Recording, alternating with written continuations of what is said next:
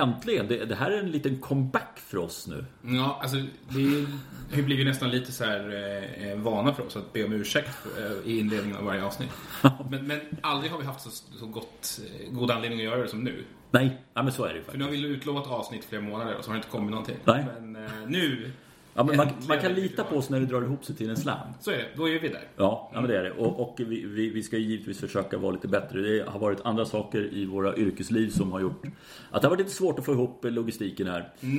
Eh, Men nu sitter vi här med franska lottningen framför oss och eh, ja, men, vi, vi kastar oss in. Vi gör det. Ja, eh, Uppifrån och ner som vi brukar göra. Jajamensan. Och eh, om man säger så här innan så bara pratar vi lite grann och ganska skrällfritt. Jag vet inte om det är att vi inte har liksom levt oss in i vår poddvärld som man har hittat några liksom guldkorn där. Men, men jag, det, det jag har sett och noterat här så jag har svårt att, bryta något mönster. Jag tycker att det, min känsla så som den har varit hela våren är ju egentligen att eh, Carlos Alcaraz är ju den enda som egentligen har tagit chansen riktigt. När det har varit så stor frånvaro från eh, de andra där uppe i toppen.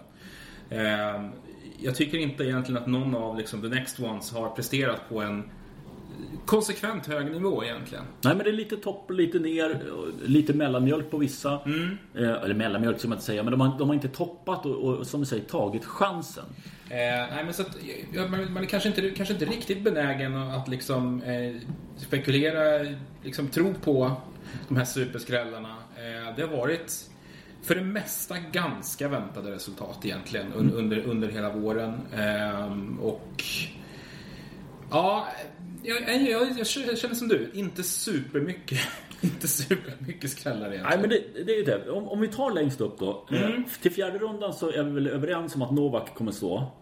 Så är det. Ehm, Darrar du någonting innan Rom på uh, tvivla på honom? Ja, men det hade man ju nog gjort. Eh, första matcherna tillbaka var ju inte superlovande. Det var Nej. det inte. Det var väl ganska mycket, mycket fel och, och eh, misstag och, och idel eh, försätta sig i... Han saknar ganska mycket timing och, och det märktes att han inte hade spelat på länge. Eh, så det, det tycker jag var väldigt, väldigt tydligt. Men så är han ju där och han vinner Rom liksom. Ja men det är ju det. Alltså någonstans, precis som du säger. Jag var också lite orolig, fel ord, men förvånad över att se honom på den nivån. Trots att det då har varit eh, lite matcher. Ja, men det har ju varit, och det har ju varit tillfällen tidigare när han har haft skadeproblem. Då han har varit riktigt offside spelmässigt. Men, men han har ju samtidigt har han ju inte varit skadestörd den här gången. Utan Nej. nu har det ju varit helt andra grejer. Eh, och när det har varit den typen av frånvaro så har han ju alltid i stort sett bara klivit in och gjort sin grej och, och vunnit rakt upp och ner. Som att han aldrig varit borta. Han har ju den förmågan. Alla har ju lite också den förmågan. Men, men det är lite större startsträcka här nu. Vi får ändå komma ihåg att han är 35. Det, Ja, ja. det är liksom kanske inte är så himla konstigt. Men med den här titeln i Rom så skjuter han sig tillbaka rakt in i titelracet här i franska. Ja, men det, jag håller med. Eh, Vi kan ju också konstatera att den övre halvan är ju...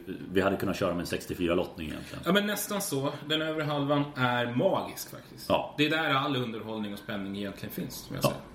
säger. Vem möter han i tredje rundan då? Vi har ju Jenson Brooksby. Jag har petat fram Brooksby där faktiskt i tredje rundan. Mest på, i brist på att Pablo Cuevas han kommer göra några slag som kommer komma som giffar. Eh, under den första rundan. Men jag har så svårt att se att Brooksby ska förlora mot honom eller Chris O'Donnell eller alias Bedene. Men jag är tror lite samma som du. Eh, Cuevas har ju blivit lite sån här Richard Gasquet-typ som ju ser bra ut i enskilda poäng men som inte har liksom kontinuiteten som krävs för att vara bra över tid. Eh, sen är ju underlaget en faktor. Brooksby är ju amerikan och av den anledningen inte, inte riktigt lika hemma på, på grus. Eh, men det känns... Jag skrev någon tweet om det för några månader sedan också. Att jag upplever liksom en kollektiv medvind bland unga amerikaner. Det, det är... eh, Det känns harmoniskt, det, går stadigt framåt och de är ett gött gäng där som kommer på bred frammarsch. Eh, och Brooksby sidad, det är väl första gången han är det. Jag tror också det. Mm. Så att... Eh, jag skjuter nog nästan fram honom där i en tredje runda mot Djokovic. Ehm, det finns inte så himla mycket som hotar honom. Det är om Cuevas skulle tända till. Eh, Flyttar vi ner här då, för här kommer till en lite intressant grej. Jag, jag har en Dimitrov och, och Choric i andra. Eh, Choric kämpar ju sig tillbaka efter en lång skade, eh, skadeuppehåll. Eh, Dimitrov har väl liksom studsat upp lite grann. Eh, även om jag fortfarande inte, det är inte den killen jag håller i handen om jag vill säkra en kvartsfinalplats. Nej, men han har ju sista året verkligen kunnat toppa formen i enstaka tävlingar. Mm. Och prestera på den här överjäkliga nivån som han verkligen kan göra. Sen har han enorma problem att göra det över tid. Men han har också en usel historia i Frankrike. Ja, det är så. Han, han är, är generellt svag i, eh, i Franska öppna. Han går ju mycket bättre på hardcourt-turneringarna. Och, och i Wimbledon har ju ett spel som är lite bättre anpassat eh, för det. Han har varit i fjärde rundan här vid ett tillfälle och då ska vi Oj. säga att han har varit i semifinal i alla de andra tre. Mm. Eh, och det här var 2020. I övrigt så har han som bäst varit i tredje runda. Han har åkt ut direkt eh, 2011, 2014, 2015, 2016 och 2021. Ja, men jag har sett honom vid, vid, vid något eller några tillfällen när han liksom har klappat igenom i, i sådana matcher som, som är bedrövliga. Obegripliga. Mm. Ja. Och den där fjärde rundan får man glömma 2020 var ju pandemiåret när den Mm. spelades i oktober. Ja, så att, En tid på året då, då han brukar vara bra. Ja. Han har haft, varit stark på hösten flera gånger. eh, men ja, alltså jag vet inte. Okej, bara för att det ska skrälla då. Då, då drar jag fram Choric i en tredje runda mot Schwarzman tror jag går till eh, tredje rundan.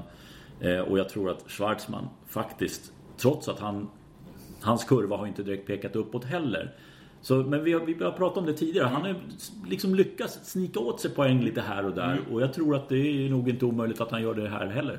Vi hackade ganska mycket på Schwarzman förra, under Mm. hela förra året egentligen. Att han var något av en besvikelse. Det var han ju. Eh, samtidigt så hade han, som du säger, oförskämt bra eh, förmåga att få med sig poäng som han kanske inte var värd. Eh, generellt har han varit bättre i år. Mm. Han studsar tillbaka lite grann. Han ligger väl en 14-15 tror jag på racet Mm. just nu. Jag, jag tror inte att Choric är riktigt, riktigt redo. Eh, men, det, men det hänger ju på Dimitrov. Ja, det, det, det är där avgörande kommer. Ja. Eh, Så jag tror ändå på dem, på Dimitrov Schwarzman i runda tre. Schwarzman har varit bra här förr och, och eh, det är lite hans hemmaplan underlagsmässigt. Så att jag lyfter nog fram honom i fjärde. Eh, neråt ett steg Mm. och då hittar vi den unge kanadensaren som jag tycker flyttar fram positioner mer. Han har ju vunnit sin första titel nu här. Och ja, men jag tycker att han börjar liksom hitta en bättre nivå, en högre lägsta nivå. Jag har svårt att se att Ogier Aliasim inte tar till sin fjärde runda. Och då ska jag säga att han har Karatsev i andra. Men Karatsev känns som en väldig berg och dalbana hela hans eh, tennisliv just nu. Ja, precis. Så där är vi också en spelare som framförallt är intresserad av att lira på hardcourt. Eh, Och det har varit otroliga svängningar i hans spel. Mycket till och med för att, för att vara honom. Eh, och som du är inne på, Ojar Aliasim har ett, eh, en jättefin utvecklingskurva så som den ser ut nu. Och det här att han övervann det här titelhindret eh, i, i Rotterdam. Och, och som han gjorde det också. Han körde över eh, Tsitsipas ganska ordentligt i den finalen. Förvånansvärt faktiskt. Eh, han har alltså kvart, semi, semi i sina tre senaste Grand Slam-turneringar. Så det, det, det är inte dumt. Eh, och flyger lite under radarn. Hur, hur man nu som så gott som tonåring Ja. kan göra det. Ja, ja, men, men Men det, samtidigt är, det handlar ju om Alcaraz och det, det handlar om andra spelare som utmärker sig tydligt. Han är ju en ganska... Ja, men, han är ju en ganska beige figur egentligen. Egentligen, men ändå inte. Men jag, jag, jag förstår liksom vad du är ute I efter. det sällskapet som han har hamnat så blir han ju det. Han är ju inte särskilt outspoken, han är ju inte liksom... Han är inte så yvig på banan, han är ju så sjukt väluppfostrad och duktig liksom. Ehm, och han har liksom inte vunnit några riktigt stora titlar. Men, men han är ju en otroligt lovande spelare som har en fantastiskt framgångsrik karriär. Och tittar vi på hur, eh, vilka det är som har samlat in flest poäng den här säsongen. Då har han alltså bara Nadal, Tsitsipas och Alcaraz före sig. Då har vi en, en Grand Slam-vinnare. Ja, precis. Så att det, det, är, det är en fantastisk säsong. Ja, men det, det, Helt klart. Så att det, ja, men det är inget. Och jag, jag tror faktiskt inte att Opelka tar så långt fram. Han gick vann ju några matcher här på Mm. gruset. Eh, och eh, nej, men jag, jag tror att eh, Krajinovic slår Opelka och så spelar det egentligen ingen roll. Och Gerald är i fjärde rundan. Jag känner detsamma. Ehm, och sen är det ju då intressant att se var vi har vår eh, vän Rafael Nadal form och skademässigt. Ehm, jag vet inte hur snacket har gått riktigt kring han. Han, han ska ju spela. Ja, jag tror inte... Alltså, han har ju, han har ju, tycker jag nu, sagt också att han inte är hel. Alltså, på ett eller annat sätt. Men ställer han upp så brukar ju... Så brukar det ju ändå betyda att han är tillräckligt hel i alla fall för att han ser att han ska kunna spela hela turneringen. Ja, precis. De, de, ti- tiden då han liksom ställde upp med vetskapen om att han kanske inte skulle fullfölja, den är ju förbi. Då, då stryker han sig ju från Jag tror, från jag tror nästan, även om det är Franska öppna som, Mm. så, så tror jag det. Och, och jag tror att med tanke på att det, det spelar liksom ingen roll vilka som är där. Han har haft vissa problem med Fognini som han teoretiskt sett skulle kunna möta en tredje. Men Fognini känns också som att det har vikt rätt ordentligt, den karriären. Eh, Van de Sandskulp, nej, in, inte på grus och inte mot Nadal. Jordan Thompson i första runda, där kan han ju halta. Eh, Moté eller Wawrinka i andra. Wawrinka så blev ju ganska tillplattad av eh, Djokovic i Rom. Eh, han är långt, långt ifrån det han var och kommer inte komma upp till en sån nivå heller. eh, vad- Tyvärr. Nej, precis. Wawrinka som vi ju kommer få se på Båstad i sommar är ju Mm. trevligt för, för den publiken. Det är ju fortfarande en sevärd spelare, men han är ju, som du säger, han är ju långt, långt, långt, långt, långt, långt, långt kvar till någon slags toppform. Det är frågan om man, om man kommer att uppnå den igen. Det känns lite slut, va? Ja, det, det gör det faktiskt. Det gör det. Eh, Han fyller ju 37 i år. Ehm, och nej, jag tror som du, det, det, det finns inte så mycket som kan hota där. Eh, Fognini har ju eh, börjat gradvis tackla av även han också. Ehm, det, är- det är inte de här... Han är, han är liksom inte den här spelaren längre som kan skrälla sig till en Masters-final. Liksom. Nej, men det känns som att, att enstaka matcher, absolut. För att han har fortfarande höjden. Alltså, han kan prestera. Men det finns liksom inte där. Och jag vet inte om det är inspirationsproblem eller jag vet inte hur många barn de har nu, han och Penetta. Om det är tre eller... Ja, det blir inga fler på ett tag i alla fall nu, för nu ska ju Pinetta göra comeback. Ja men den var väl lite lurig va? För det var väl, det var väl i den här gentlemans, äh, inte gentlemans, äh, äh, damveterandubben va? Men, men, men visst. Äh, men, ja, ja, men det, Fognini, vi håller om det där. Vi flyttar ner mot eh, den som jag skulle säga har den tuffaste resan fram till fjärde rundan, även om jag tror att han tar sig lite i tredje sidan, Alexander Zverev. Eh, det dräller av riktigt kvalificerade motståndare där för honom. Eh, Offner i öppningsronden ska väl inte innebära några större problem egentligen. Nej, det tajmar in. Men i omgång två, Ja. där har du en av de mest spännande grustalangerna som finns där ute just nu. Mm, fransman. Nej, Argentina. Argentinare. Ehm, och det handlar såklart om eh, Sebastian Baez. Som eh, eh, gick väl och vann eh, Next Generation-slutspelet va? Ja, det var det va? Eh, om det var i höstas eller om det var året innan kommer jag faktiskt inte ihåg. Nej. Men han har vunnit i alla fall. Och han har haft en strålande utveckling hela våren här nu. Kommit fram riktigt, riktigt starkt. Vunnit sin första ATP-titel. Det rör på sig och det rör på sig rejält för honom. Det är en riktigt obehaglig motståndare att ha i omgång två. Där jag är övertygad om att de båda kommer att mötas. Ja, det kommer de. Eh, men du tror väl också att Sverige vinner där och eh, att han kommer få möta Alexander Davidovic Alejandro, inte Alexander, Alejandro Davidovic Fokina i en tredje runda. Det tror jag. Eh, om inte Zverev gör en sån här, om man inte glömmer hur man servar igen. Eh, som jag, som jag har. Man tror att det försvinner sådär, men Ja, helt plötsligt helt kommer det tillbaka. Så, exakt, så, så, så kommer det där tillbaka. Eh, då, då kastas han liksom rakt in i, den- i de här, här vidriga tendenserna igen. Eh, semifinalist här senast var han ju, jag var ju också två, liksom, bröt ju lite grann sin Grand Slam-frotsa här också. Med eh, att nå andra veckan första gången. Eh, med två kvartsfinalplatser. Så att han känner sig väl någorlunda trygg här. Ehm, även om det har fladdrat en del spelmässigt hela våren egentligen. Han brukar ju vara en, en rätt bra maskin på att liksom plocka titlar och eh, ja, men spela bra. Och, och det, det har förvånat mig att han inte har gjort det här. Men jag vet inte om det har rubbat med det här så mycket runt omkring som har faktiskt kommit åt honom till slut. För jag tyckte att det var konstigt att han inte har gjort det tidigare. Jag tror nästan att det har gjort det. Han är ingen fanfavorit överhuvudtaget någonstans där. Det känns ju som att många har ju eh, så på, liksom, i, i tenniscommunityt har väl tagit sin hand lite grann ifrån honom. Han är ju inte, han är ingen, ingen superfavorit någonstans egentligen. Eh, folk talar inte gott om honom på samma sätt som man gjorde när han kom fram. Liksom. Nej men det är inte. Eh, Jag har inte sett så många Rolex-reklamer mot honom heller. Nej, nej de, han börjar lyftas. Han har ju lyfts från en del sådana här sponsorsammanhang och, och det där fortsätter ju hänga som ett moln över honom. Och ni som inte hänger med på vad vi pratar om, det handlar alltså om, om anklagelser om misshandel mot en, en tidigare flickvän. Ehm, som, som ju inte, inte lämnar honom direkt. Eh, och det ska det ju inte göra heller. Eh, så att... Jag kan väl redan nu känna att, att Sverige för mig är ju ingen slutsegerkandidat.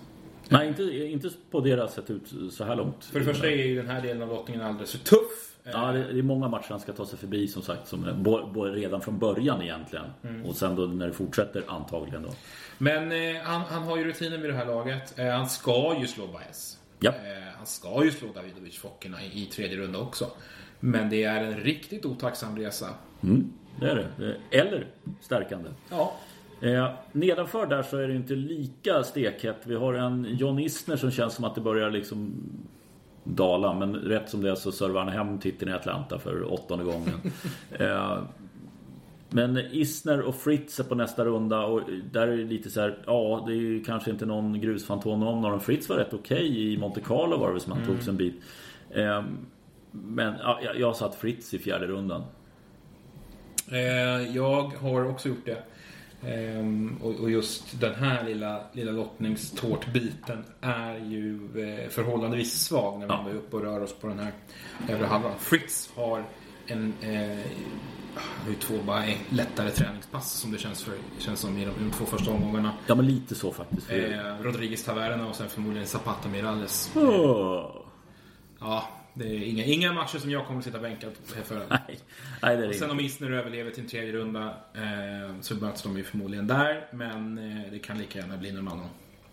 Faktiskt så. Eh, längst ner på den övre, nej inte riktigt längst ner. På den sista delen i alla fall kan Mm. vi säga. Eh, Cam Norris som spelar, just nu när vi spelar in där, är i final i Lyon.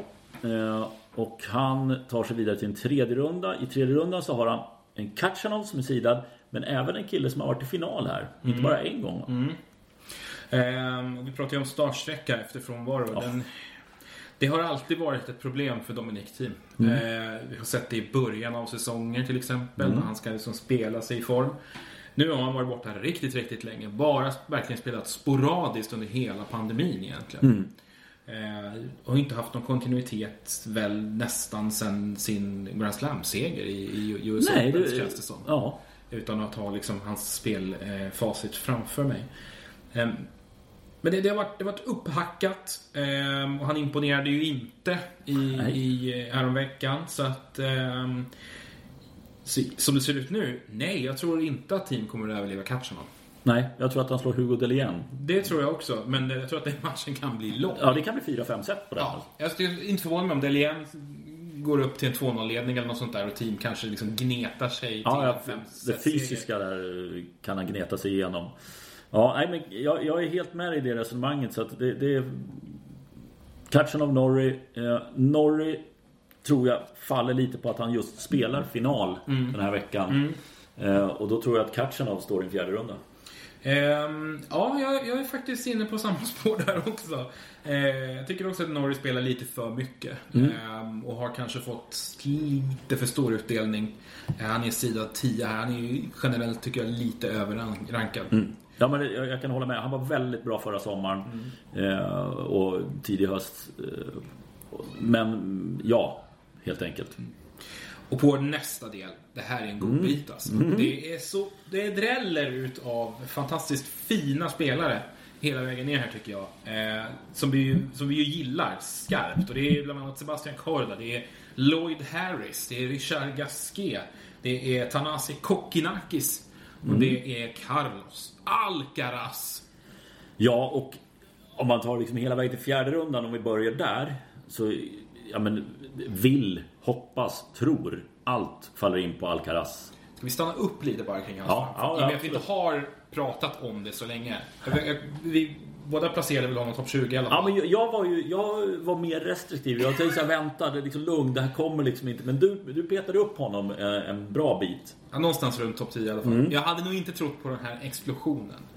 Men, men som jag ser det nu så finns det tre stycken favoriter till den här titeln. Det är Rafael Nadal, det är Novak Djokovic och det är Carlos Alcaraz.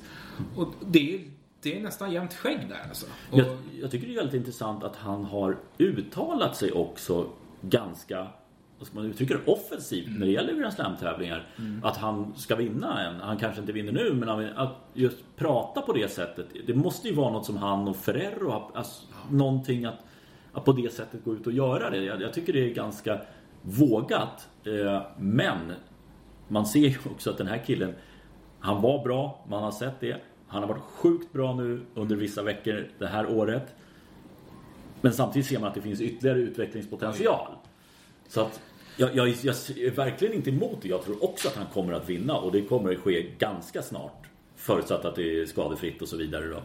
Med de eh, reservationerna. Men äh, jag tyckte det, var, det, det, är häftigt att se just när och att han hanterar de här stora matcherna på ett ja. så väldigt bra sätt. Både engagemangsmässigt själv, hur han gör det ut mot publik och får med mm. på det också. Att, Ja men verkligen. Det har, det har funnits så många här nu som har kommit mellan honom och liksom, eh, Nadal eh, Djokovic-klustret. Som har haft så svårt att fokusera sin energi på rätt saker. Mm. Och att just kunna, an, kunna använda publiken på rätt sätt. Kunna liksom skrika till och, och liksom ve, veva igång en publik och sig själv vid, rätt sorts poäng. Det finns en självklarhet kring liksom hela hans gestalt där ute. Mm. Som jag tycker påminner mer om Djokovic och Nadal än vad någon annan spelare efter dem mm. har gjort. Mm. Eh, spelmässigt så finns det vissa som har liksom touchat uppe på den här mm. superhöga nivån. Mm. Men det finns ingen som har varit så jäkla orädd som Alcaraz. Det är Nej. bara Medvedev egentligen. Ja. En bra jämförelse i, i, i det liksom, i den parametern så är, är det en, tycker jag också en jämförelse. Och, och jag tycker egentligen inte att den här eh, alltså, icke-rädslan bottnar i någon form av arrogans. Nej. Eller liksom att han tror sig bättre än vad han är. Utan snarare att den, att den liksom handlar om en oerhörd självkännedom. Att han mm. har blivit så oerhört trygg i sig själv och har bottnar verkligen i vetskapen om vad han är kapabel till att göra där mm. Eh, och det gör ju honom bara starkare. Mm. Och sen är han ju så otroligt jävla bra spelmässigt. Ja, ja. Alltså, det, det, är ju, det är ju en, en... Han är en otroligt spännande kombination. För han är ju liksom... Han har ju sin otroliga forehand. Mm. Den är ju redan ja, topp 5 i, ja, i världen. Alltså den är, den är otrolig. Mm. Han är fysiskt stark. Mm. Han ser stark ut. Han är snabb som vinden. Sen har han ju en otrolig touch i allt han gör. Ja, vi såg ju det här. Det var väl var det förra veckan? Ja. Var det med stoppbollarna? Ja, alltså, stoppvolleys och lobbar. Och ja. liksom, han har en sån otrolig vetskap om vad han ska göra i vilket läge. Mm. Och vågar slå dem och vågar gå för mm. de här grejerna. Mm. Det är helt sjukt. För det är den man också känner att man har inte liksom sett de här att, de ska, att han har skakat för de här utan han har känts väldigt trygg hela ja. vägen. Precis det här med självkännedom. Jag, jag, är otroligt imponerad. Ja, jag är också imponerad. Jag är, så, jag är så spänd på att se vad han kan göra här. Mm. Och hur långt det här kan bära. Mm. Ehm, för att spelmässigt, men han har redan, slag, han har redan slagit både Nadal och Djokovic. Ja. Han har redan liksom tagit sig förbi det hindret. Det, och det var liksom bara, så! Ja. vi av med det. Ja. Så att det finns liksom inga spöken där ute heller. Nej, det, alltså... Nej, jag, jag, jag, vet inte när jag var så oerhört så peppad på, på liksom Nej, att följa en spelare. Alltså liksom, och, och det, det, alltså det är så otroligt kul för man har liksom funnits en, en, en instinktiv motvilja mot alla de andra som har kommit fram. Liksom. Det har alltid varit något som skavt. Ja, ja men det, jag, jag vad ska jag säga? Jag skulle gärna vilja säga, det är klart att det finns andra spelare som man tycker spelar fantastiskt och allting sånt. Men här kommer det fram en superstar. Ja. Som har en, för mig och för dig också, du talar för dig också, som har en jävligt hög likability. Ja. Eh, på sättet han agerar, på sättet han spelar. Ja. Och, och det, det, det, man blir, jag blir glad. Ja men absolut. Alltså, det, allting kring honom utstrålar bara vinnare. Mm. Från första boll touch. Liksom. Mm. Det här är en kille som är här för att vinna. Och han kommer att göra vad det är som krävs. Men han gör det utan att vara ett as. Mm. Och det, är, det är rätt imponerande Det är skitsvårt. Ja. Det är jättesvårt. Alltså inte ens... När Nadal och Djokovic, när de kom fram, de, de, de fick ju inte liksom ingen, ingen gräddfil in i folks hjärtan på, på något sätt. Utan fick ju slita sig till den positionen mm. verkligen. Eh, så att Nej, det, det, är, det, är så, det ska bli så otroligt häftigt att följa den här resan. Mm. Jag har jättehöga förväntningar. Han är, han är så gjuten i fjärde rundan så det Ja, det är han. Och, och, han kommer få slå Korda tror jag i tredje rundan. Ja, Cord, Korda är, är ju i grunden en oerhört spännande spelare. Men mm. väldigt fin högsta nivå. Ja, han har ju en titel på grus. Det var första han tog var i, ja, i Parma tror jag förra året. Eh, sen det, det, kan nog bli kul match också. Kokonaki spelar rätt okej okay den här veckan. Han mm. kan säkert ta sin andra runda. Men det, det, spelar liksom ingen roll. Och även Kokonakis kan... Och det är ju också spelare som är väldigt glad för att han har liksom ja. kravlat sig tillbaka ja. på den här touren. Efter ja, alla dessa jäkla år. Vi tar oss till nedre halvan och mm. den fattiga halvan. Eh, men Kasper Rud ska inte be om ursäkt för att han hamnar där. Eh, och att han sen mest troligt kommer hamna i en fjärde runda. Det är nog bara en skada som sätter stopp för det. Han har Sonego som eh, sista sidade spelare in i turneringen också. Chao Sousa har väl sett sina bästa dagar. Verkligen. Eh, Russo var i andra rundan. En Songa har han förvisso i första, men det är ju avskeds... Eh, eh, sista stora avskedet för Songa som inte har sett speciellt bra ut och det är ju därför han lägger av också. Jag tror säkert att han hade, hade han känt att han haft mer i sig hade han spelat kanske den här säsongen ut och avslutat nästa år. Ja, det är ju också en spelare som åren har gått fort här på slutet. Han har Mm. också fyllt 37 eh, skadefyllda säsonger.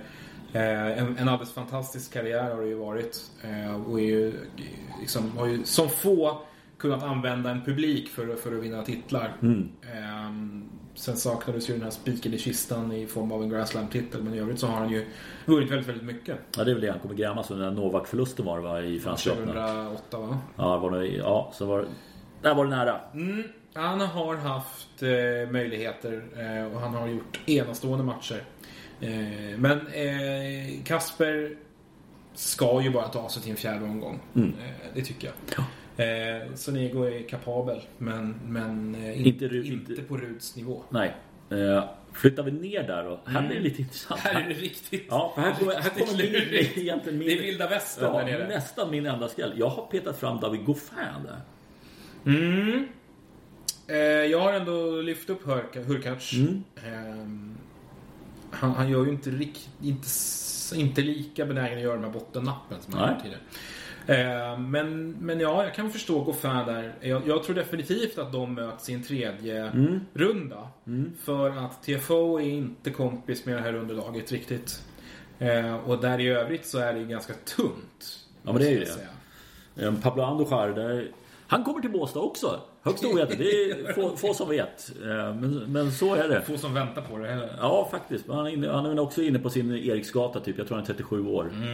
Eh, Så att där, där har ni något för er gruskonnässörer att eh, vill ni se Pablo... Grand, Grand Prix Hassan den andre. Ja, kungen. precis. Jajamensan. Eh, Men nu kan ni ta chansen. Han har ju varit i Båstad en gång tidigare tror jag. Men nu kommer han tillbaka efter många år och kanske ska göra sin sista turnering där. Men åter till Goffin då. Ja. Eh, alltså han var ju bedrövlig hela fjolåret egentligen. Han var Ja. verkligen en katastrof. Ja men det var ju nästan som man trodde att han skulle lägga av. Han var ju inne på det här motivation och, och resa under pandemin och så vidare. Ja. Men här tycker jag nu under vår att man sett liksom glimtar av, inte när han var som bäst, men man har sett att han har i alla fall lagt 100% på det. Att det har känts som att... Han har ja, försökt i Ja. alla fall. Så att, eh, jag, jag, jag, är med på, jag är med på det. Men jag, jag tror ju att Hurkacz eh, kommer att ställas mot Rud sen.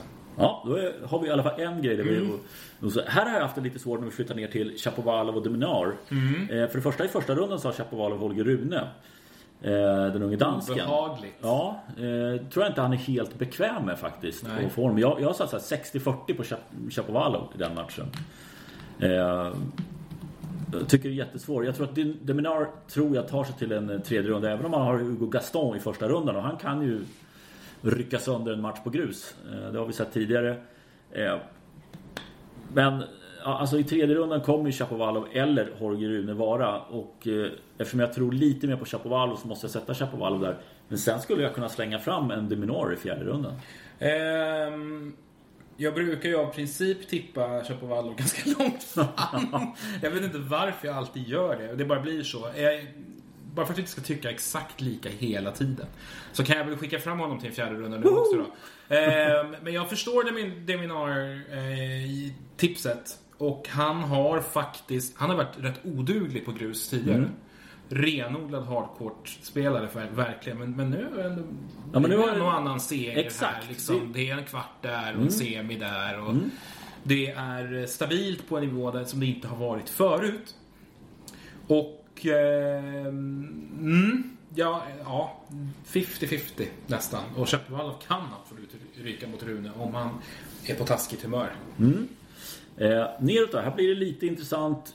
Inte på grund av vilken som kommer komma till fjärde rundan. För att eh, där plitar jag ner eh, Tsitsipas. Eh, men det finns ju en annan sida spelare som heter Daniel Evans. Och han kan i andra rundan få möta en svensk som vi inte sett så mycket av nu i mycket Ymer. Nej, Micke har väl har haft en, skade, en del skadeproblem under våren och framförallt formproblem. Han har eh, åkt ut i kvalet direkt här till Lyon. Eh, mot en inte särskilt kapabel motståndare. Nej?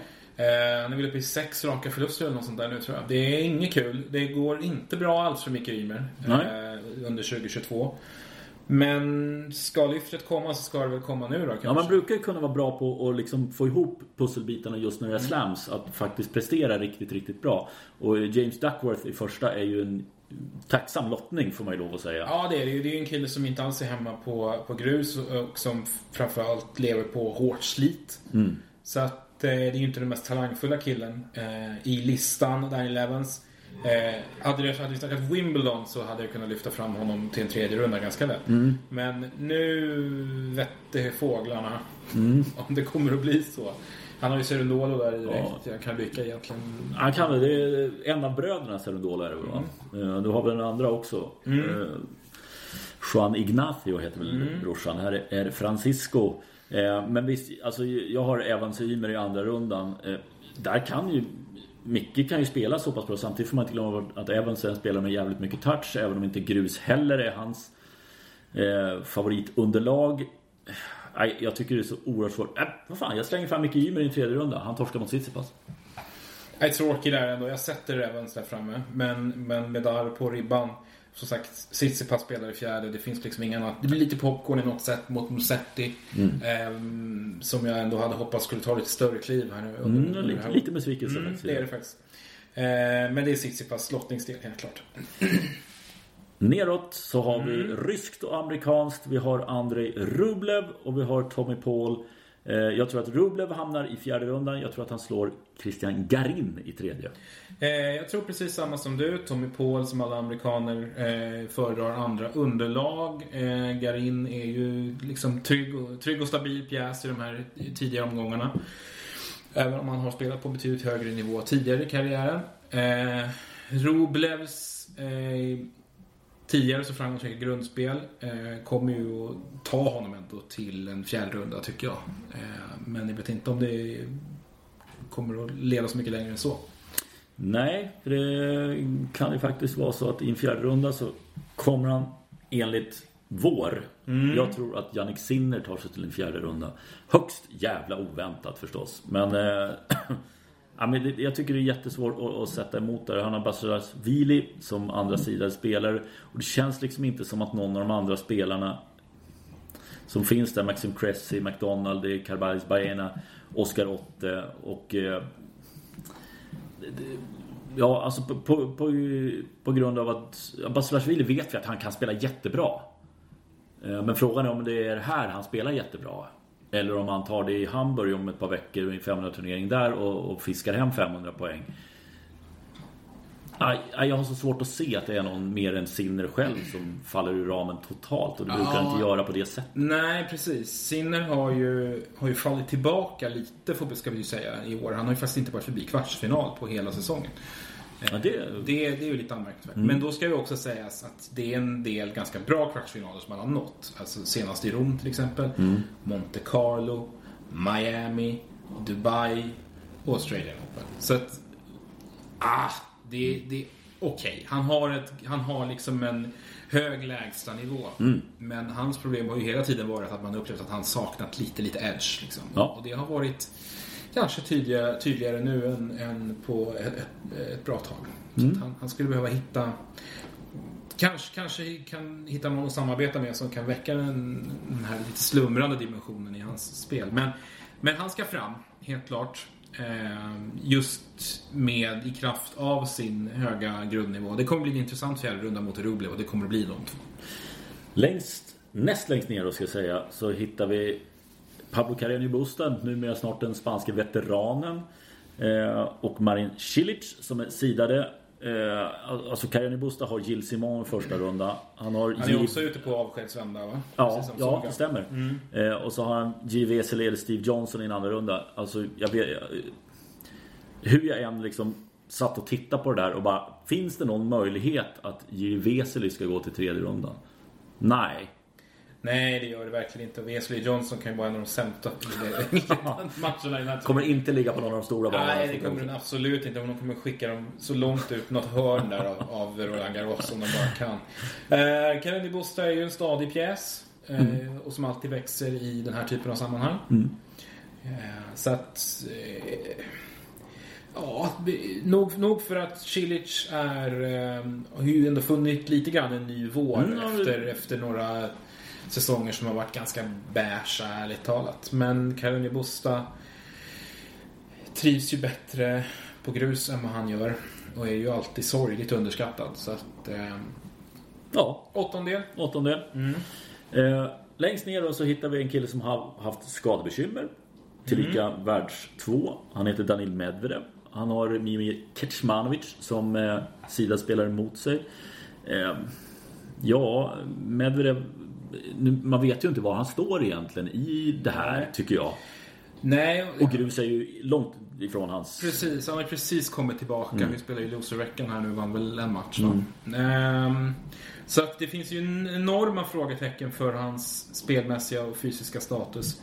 Sen tycker jag att man inte ska eh, liksom bara förbise det faktum som hans nationalitet, eh, alltså det, han- betydelsen av hans nationalitet just nu. Nej. kommer, han kommer inte vara någon favorit ute på läktaren. Eh, så attityden gentemot ryska spelare Det kommer är... bli rätt intressant att Ja. se hur, hur de hanterar det faktiskt. Och Franska öppna har ju en mindre smickrande historia av liksom, eh, folk som springer in på banan och det är politiska budskap. Och det har varit ganska många sådana i finaler tidigare år till exempel. Bara att ha det hängande över sig kan vara problematiskt. Eh, och sen så liksom skadebekymmer och, och en form som inte är där än. Nej, och jag tror inte... Det här är ju en turnering...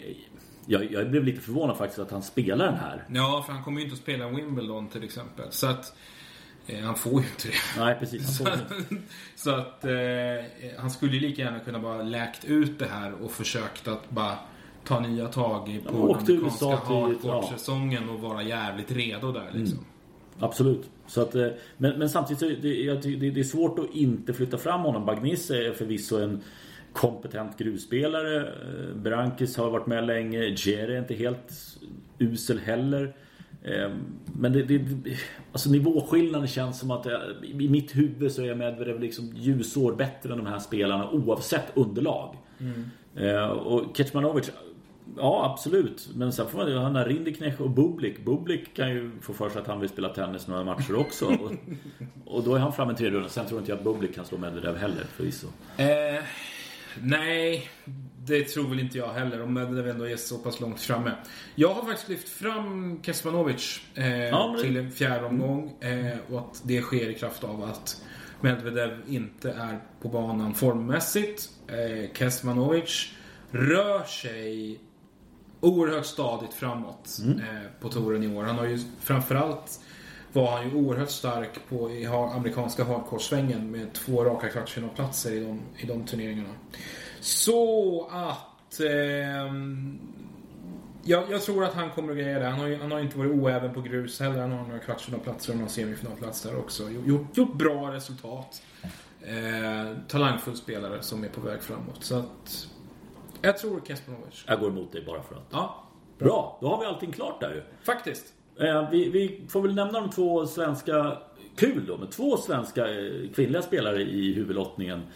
Efter att Miriam Björklund kvalat in för första gången i en slam. Eh, oerhört imponerande. Är det, måste vi tänka här nu, är det första gången sen Larsson Arvidsson då, Ja, som vi har två stycken svenska damspelare eh, i samma turnering? Eh, måste det vara? Ja, det måste, jag kan inte tänka mig vem som... Ja, det skulle vara Larsson Pettersson då, om- eller Ja, Petersson. just det, förlåt. Larsson Petersson har vi ju haft, ja. Såklart. Eh, men det är ju ett tag sedan nu i Ja. alla fall. Nu la ju han av för ett par år sedan. Så att, eh, Ja, men det är roligt. Sen, sen får vi se hur roligt det blir. Eh, Var Björklund hon mötte Donna Vekic va? mm, tidigare. en, annan, en annan kvalspelare. Ja, som har eh, varit uppe. Hon har varit uppe i topp 10 tror jag. Men har rasat enormt mycket och knappt vunnit en match. Eh, Så att det, där finns det ju en potentiell möjlighet. Jag tror Rebecca får det tuffare i Darja Kasatkina som hon Ja. ja. sin första match. Det, Nej, det är en tuff. Hon, hon har ju varit... Ja, hon, hon är kapabel på, det, på grus också. Så att så är det. det blir nog tufft. Första Roland Garros-podden klar. Ja, vi är tillbaka igen om en eh, vecka lite drygt. Då, då vi ska eh, blicka framåt. Mot Och plita ner segrarna. Ja, det ska vi göra. Ja, Ses då. hej! Hej!